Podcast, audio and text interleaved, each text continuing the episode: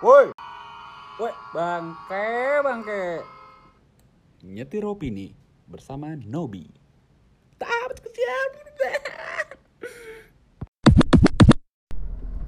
Cek satu dua tiga, oke. Kenapa ya orang kalau mau mulai ngomong tuh biasanya kayak oke. ya nggak sih. ya oke anjir oke lagi. Ya maksimal tiga kali boleh lah. Oke. Iya, jadi selamat datang di episode 1 nyetir opini. Dan sekarang gue lagi nyetir ya. Kalau kalian bisa dengar ada suara wiper ini lagi hujan deras di daerah ini lagi daerah mana ya?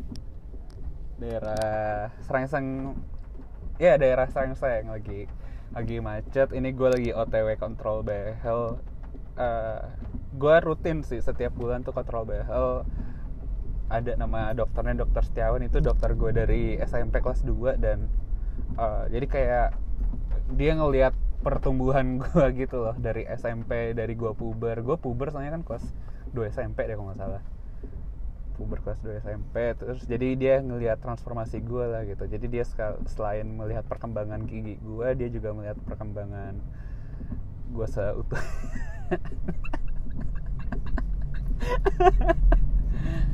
ya tapi kan pasien dia banyak ya maksudnya dia nggak notin gue doang.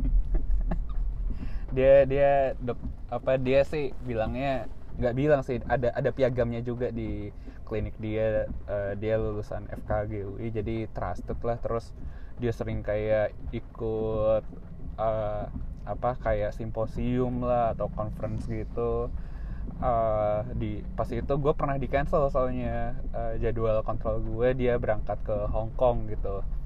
Terus dia curhat katanya di Hong Kong dia naik speedboat speedboatnya eh jet ski naik jet ski jet skinya rusak terus harganya tuh mahal banget kayak nyampe wah nggak tahu sih nyam- hampir 100 kali lupa gue tuh. Dia maksudnya eh, doi valid lah tajir gitu sebagai eh, dokter gigi dia buka praktek punya klinik sendiri dan dia juga di RS Bunda terus di RS mana lagi gitu. Tapi gue agak kepo sih maksudnya conference atau simposium dokter gigi sedunia ngebahasnya apa ya? maksudnya kan kalau pakar ekonomi gitu ya ngebahas perekonomian dunia gitu. Masalah-masalah makro mikroekonomi lah gitu maksudnya kan kalau gigi cuma bahas gigi dewasa gigi susu gila terus pakai jauh-jauh di Hong Kong segala Eh, Wah itu doi kalau lagi ditanya gitu kan terus dia jawab ngasal gitu. Eh dari mana? Udah dari Hong Kong. iya dari Hong Kong. Beneran ternyata. Habis conference ngomongin gigi. Aduh. Tapi kan eh, kita hewan kita ada dokter terus ada dokter hewan gitu ya. Ada nggak ya dokter gigi hewan? ada nggak sih? Nggak ada kan ya? ya siapa emang ada monyet mau pakai behel iya iya nggak tahu lah. Tapi kayaknya dokter hewan dokter umum semua ya maksudnya mau mau THT-nya ke mau mata gitu rabun. Atau batu kayak masuk angin gitu kan apa eh, panda gitu masuk angin. Soalnya pan- panda susah dikerokin jadi dia harus ke dokter hewan.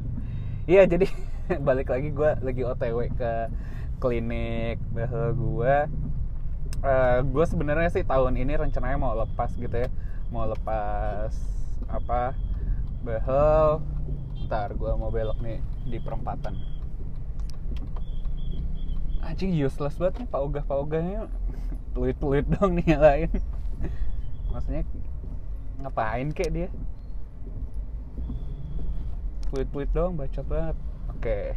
Wah anjir udah 5.17 jadi gue jadwal sama dokternya tuh 5.15 nih gara-gara ada satu dan lain hal lah ya gue jadi telat Eh iya jadi gue eh, ini masih di daerah Srengseng dan masih menuju ah tuh. Kok hektik banget ya dari sini? Oke. Oke tadi gue tuh sebelum mulai mau ngebahas soal ini mungkin kali ya yang lagi cukup rame tuh yang Indosiar nayangin sinetron pedofil. Anjir. Terus eh, apa sinetron apa Zahra gitu namanya. Sinetron Zahra.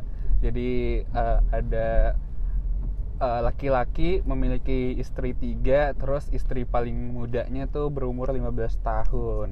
Nah jadi kayak ada adegan-adegan suami istri gitu dan ini karakter pemeran karakter dari Zahranya ini masih umur 15 tahun gitu. Jadi eh, banyak lah yang negor KPI gitu ya.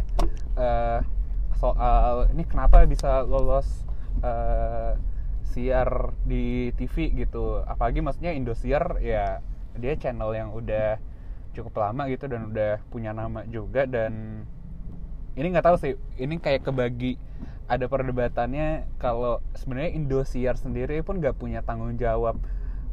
Maksudnya Indosiar nggak bisa disalahin gitu katanya. Ada yang bilang gitu karena Indosiar nggak punya tanggung jawab eh, untuk menjaga tayangannya karena ya mereka tahu pasarnya suka eh, konten yang kayak gini itu peluang bisnisnya makanya dia bikin film yang kayak gitu atau sinetron yang kayak gitu. Tontonan yang nggak nggak mendidik tapi menjual gitu.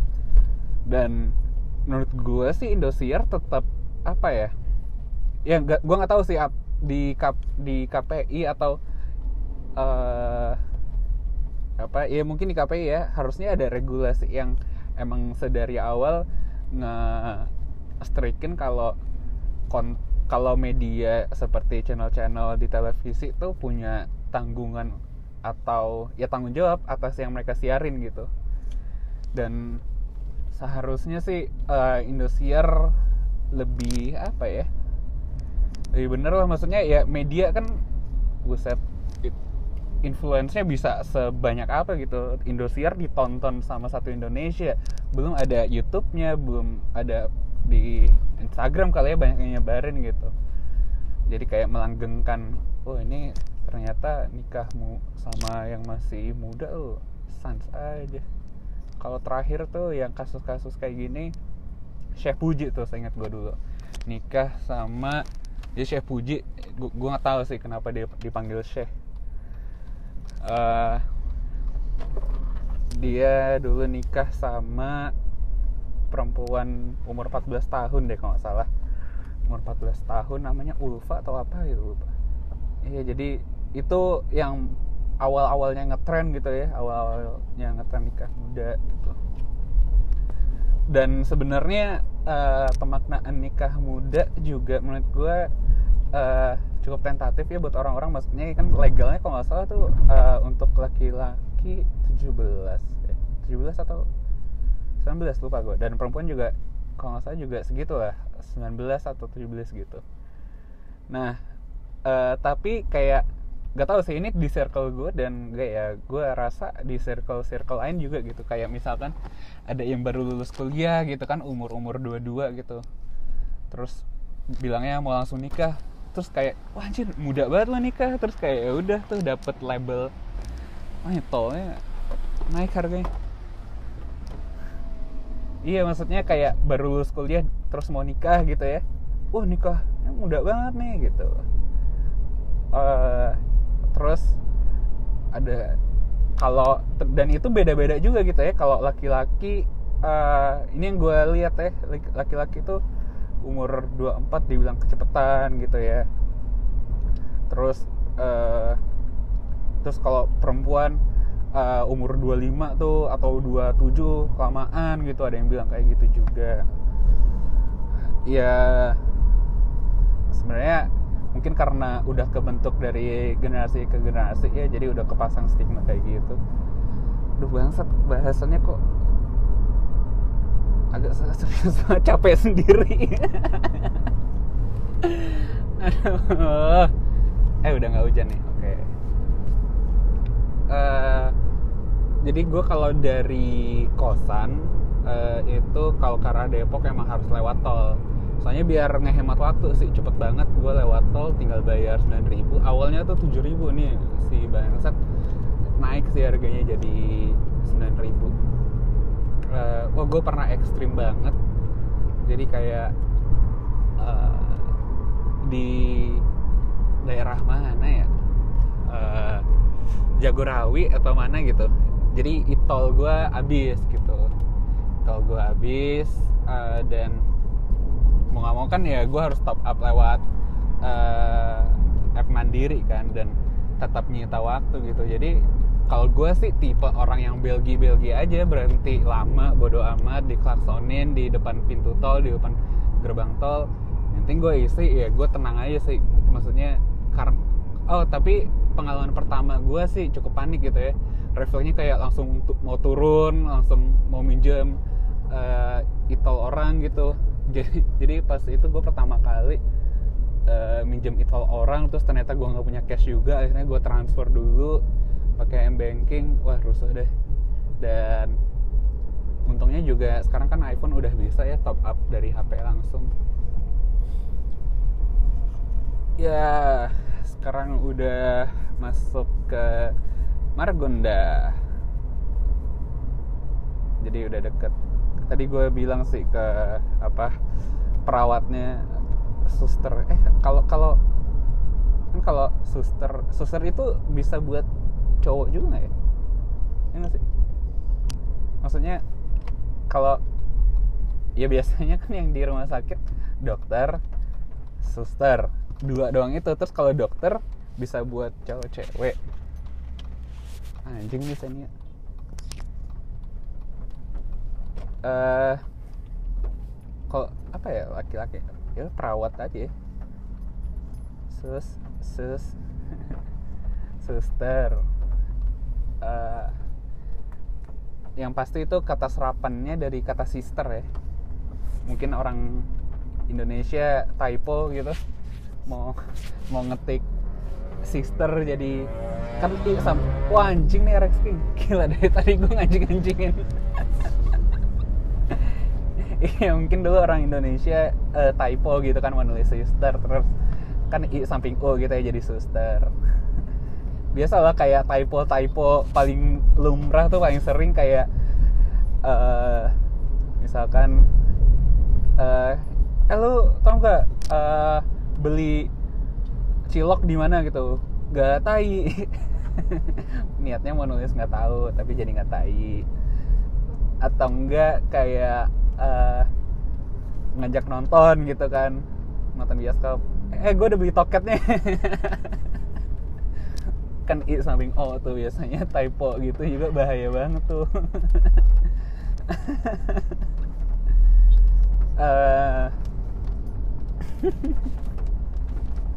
sering-sering terjadi uh, dan itu kejadiannya kayaknya sering zaman zaman BlackBerry sih. Uh, 2000 berapa tuh BlackBerry? Zaman zaman SMP lah. BlackBerry pertama gue tuh dulu. BlackBerry Dakota. Uh, jadi dia lumayan lumayan canggih sih dulu. Dia touchscreen tapi tetap ada keyboardnya gitu. Jadi gue nggak tahu sih sebenarnya se dan ada touchpadnya juga. Jadi ya lebih memudahkan lah tapi menurut gue kurang efisien aja gitu. Dia touchscreen. Uh, tapi lumayan mahal sih dulu BlackBerry. Tapi yang gue nggak suka dari BlackBerry Messenger ya fitur Messenger khusus BlackBerry antar BlackBerry gitu. Uh, jadi kalau lu lagi dengerin lagu ketahuan tuh lu lagi dengerin lagu apa. Uh, iya bisa disetting tapi uh, maksudnya ya lu kadang emang pengen nunjukin juga kan kayak pengen nunjukin oh gue lagi dengerin lagu ini gitu. Uh, dan itu zaman itu kan juga belum ada Spotify kan jadi emang lagu-lagu tuh masih lu download di BMP3 lah, Stava Band lah, Webtrick gitu kan. Uh, jadi kayak ya udah lu lagi dengerin lagu apa biasanya kan kalau lu download lagunya di bajakan-bajakan uh, gitu judulnya aneh-aneh tuh biasanya. Maksudnya oke okay, underscore lah terus ada dollar sign dollar signnya aneh deh gitu. Jadi ketahuan tuh lo lagi dengerin apa. Yang bahaya tuh kalau lagi nonton bokep tapi belum matiin itunya asli temen gue ada ya banyak lah banyak kasusnya pasti ya lagi yang lagi nonton bokep atau apa ketahuan tuh. Lagi nonton Ashlyn Brook gitu atau siapa itu ya sebutin lah nama-nama artis bokep gitu. Bahaya banget tuh BlackBerry Messenger. Dan itu uh, untuk anak-anak yang punya BlackBerry doang biasanya tuh kalau mau nge-reach out teman-teman yang non BlackBerry itu dulu pakai YM Yahoo Messenger. Anjir Yahoo Messenger. Dulu cukup apa ya dia cukup uh, breakthrough lah untuk sebuah messenger gitu. Dan namanya kan juga cukup uh, udah valid juga tuh Yahoo gitu. Uh, dari Yahoo mulai ke oh dulu sempet juga kalau mau chatting sama teman-teman Facebook pakainya ibadi. Pakai ibadi. Sempat pakai ibadi kan? Ya ibadi tuh dulu. Uh, terus banyak juga dulu aplikasi atau website uh, situs-situs untuk buka Twitter selain twitter.com gitu ya. Ada Uber Sosial ada dulu ada dubber juga kalau tahu. Terus ada tweet longer jadi bisa nge-tweet lebih dari 140 karakter gitu. Jadi dulu cukup banyak tuh peminatnya. Ya uh, gue ngelewatin semuanya sih. Tapi dulu gue sem sempat ngerasain Friendster tuh berapa lama ya? SD banget itu soalnya kayak SD kelas 5 deh kalau salah 4 atau 5 dan asli gue ngerti Samsung terus kayak ada MSN apa lupa gue tuh. Banyak banget deh. Uh, ya sekarang mau nggak mau udah shifting ya. Uh, udah kalau yang kerja pasti pakai WhatsApp terus kalau mungkin yang masih kuliah gitu ya masih pakai Line juga gitu. Uh, bagus sih maksudnya sekalian ngebedain uh, mana buat kerja mana buat uh, social life gitu yang lain. Uh, gue iMessage karena gue iPhone user nggak terlalu kepake sih tapi ya buat uh, circle circle tertentu aja sih gue pakai message ke teman gitu terus ke ya ke peer group peer group gue lah gitu message dan sebenarnya sekarang uh, apa ya masing-masing sosmed juga lebih memudahkan dan banyak fiturnya juga gitu kayak Instagram udah bisa nelpon, udah bisa video call. Iya Instagram gue kemarin ngecek udah bisa kayak nelpon-nelpon biasa gitu. Uh, dan fiturnya kayak reply chatnya udah aman, terus bisa kayak react juga, react chatnya, bubble chatnya gitu udah dan bisa forward juga gitu. Uh, paling canggih sih kayaknya sejauh ini Instagram ya untuk fitur chat DM-nya gitu. Uh, Twitter ya mungkin fungsinya Twitter masih sebatas untuk kirim-kirim tweet yang lucu aja ya maksudnya kayaknya nggak ada sih orang yang daily-nya itu berkomunikasi menggunakan DM Twitter ya maksudnya kalau uh, mungkin orang lagi PDKT segala macam baru baru follow followan IG gitu ya ya pasti seringnya lewat IG gitu kan baru nanti pindah ke WhatsApp gitu. Dan biasanya untuk memulai komunikasinya dimulai dari meriak story. Itu klasik banget sih maksudnya mau mau cowok mau cewek kayaknya pernah lah ngelakuin react story untuk buka obrolan gitu uh, dari react story gitu kan uh, api api api atau 100 gitu atau tepuk tangan. Uh, terus baru ntar dibalas kayak thank you. Terus diperdalam tuh apa misalkan kayak lagi nggak cover lagu gitu instastorynya terus oh lu uh, ini ya suka nyanyi ya? Iya dong. Ya masa story nyanyi nggak suka nyanyi aduh macet banget bangsat. Aduh ini orang silver kok. Catnya kuat banget ya. Maksudnya uh, kena u tadi hujan deras banget. Kok mereka nggak nggak luntur-luntur? Oh iya jadi uh, ya uh, mungkin buat yang udah tahu ya kerjaan gue bikin-bikin campaign bantuin orang gitulah penggalangan dana uh, fundraising jadi gue kemarin pas eh, puasa tuh bikin campaign eh, untuk manusia-manusia silver gitu manusia perak. Eh, jadi kayak narasinya tuh mau gue bikin manusia silver berhati emas anjir. Tapi eh, ternyata eh, apa kurang works ya. Padahal harusnya keren tuh maksudnya ya lagi rame dan stigma kan sekarang untuk manusia silver kayak eh, apa pada kurang suka ya ini apaan sih? Ini sebenarnya kan orang ngamen doang tapi dicat silver gitu. Tapi seenggaknya mereka usaha nggak sih? Maksudnya itu butuh skill lah ngecatnya dan lebih butuh skillnya untuk ngebersihin badannya dari cat juga sih. Bayangin lu rambut kena permen karet aja udah bete banget. Ini kena cat catnya itu juga cat ap- itu cat kayu sih deh kayaknya. Maksudnya saya keras banget eh, nggak hilang-hilang gitu loh. Nyucinya PR banget. Lu bayangin aja lu kerja seharian eh, di jalan terus nyeker biasanya eh, full satu badan dicat sampai malam pulang lu mandi paginya dicat lagi. Gila. Itu potensi kanker kulitnya gede banget sih serem. Cat abu-abu eh silver. Eh mungkin ini ya apa manusia-manusia silver ini pada awalnya terinspirasi dari Star Wars gitu ya. Iya si si 3PO kan kalau ada tahu. Tapi dia emas sih. Mungkin nanti ada yang ngecat emas kali ya. Terus keren aja gitu. Warna emas terus anak kecil gitu. Eh, golden boy anjir istilah-istilah bola kan biasanya tuh kalau pemain-pemain yang jago pas masih muda wonderkid golden boy gitu. Eh apalagi ya? Oh iya tadi gue habis ngobrol sama manajer gue dan kayak udah final uh, dan sudah diizinkan kalau untuk gue resign gitu. Dan uh, untungnya ada beberapa udah ada beberapa feedback juga dari kantor yang gue apply alhamdulillah. Jadi tinggal ngerjain assignmentnya.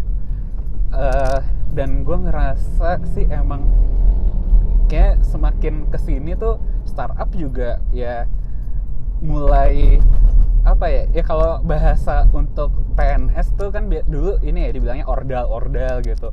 Ordal tuh konotasinya negatif gitu ya. Eh, ya padahal sekarang di startup juga orang referral gitu. Ya sama aja ordal sama referral gitu.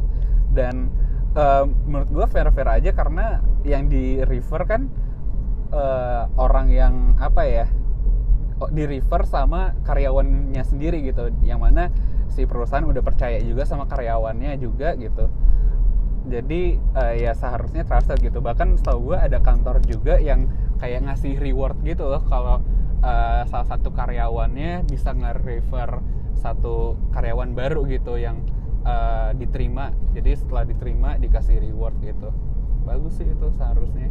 Jadi eh, maksudnya kayak enak lah eh, untuk aduh udah mau nyampe. Oke kita eh, sampai jumpa di episode selanjutnya. Thank you